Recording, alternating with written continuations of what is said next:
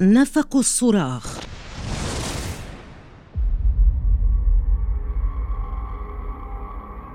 أحد أكثر الأماكن رعبا وغموضا حول العالم. يقع بالقرب من شلالات نياجارا.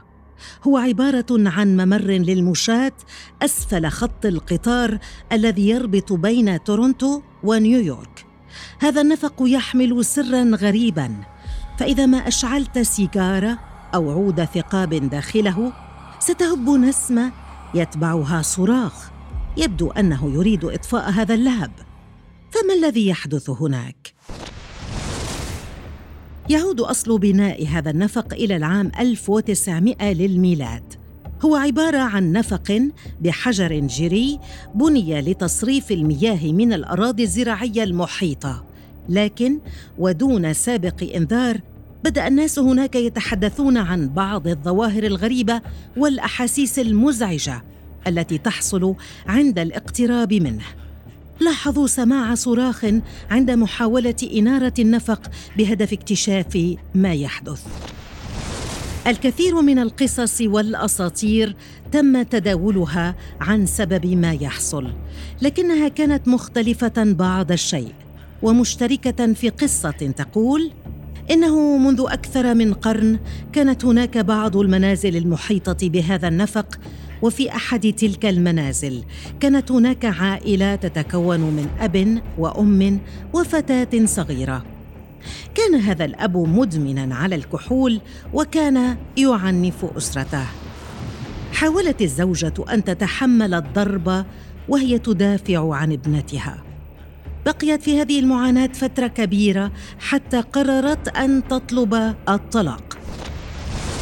بالفعل طلبت الزوجة الطلاق لكنه رفض أن تغادر ابنته معها وهدد بإضرام النار في المنزل. ثم أمسك الرجل بمصباح زيتي. كان قريبا من الستائر فدفعته زوجته فوقع المصباح على الستائر وبدأت النار بالاشتعال. على إثر هذا قام الأب المخمور بضرب الأم هربت الفتاة نحو النفق وبسبب الظلام والرطوبة انزلقت وكسرت كاحلها. وبينما هي على الأرض وصل والدها وسكب الزيت عليها وأضرم النار فيها. صرخات الفتاة كانت مرعبة وعالية جدا حيث أنها قد ماتت وهي محترقة وتصرخ داخل النفق. لم يعرف مصير الأب لكن يقال إنه أحرق نفسه في المنزل.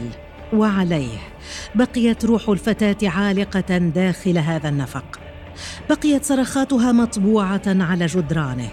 وحتى اليوم لم يجد أحد تفسيرا غير أن هذه الحادثة هي من جعلت روح الفتاة تخلد داخل هذا النفق المظلم. ولهذا فالكثير ممن يسمونهم الروحانيين أو المشعوذين حاولوا الوصول إلى هذا النفق وحاولوا منعه من الصراخ على النار حين تشتعل لكن دون جدوى.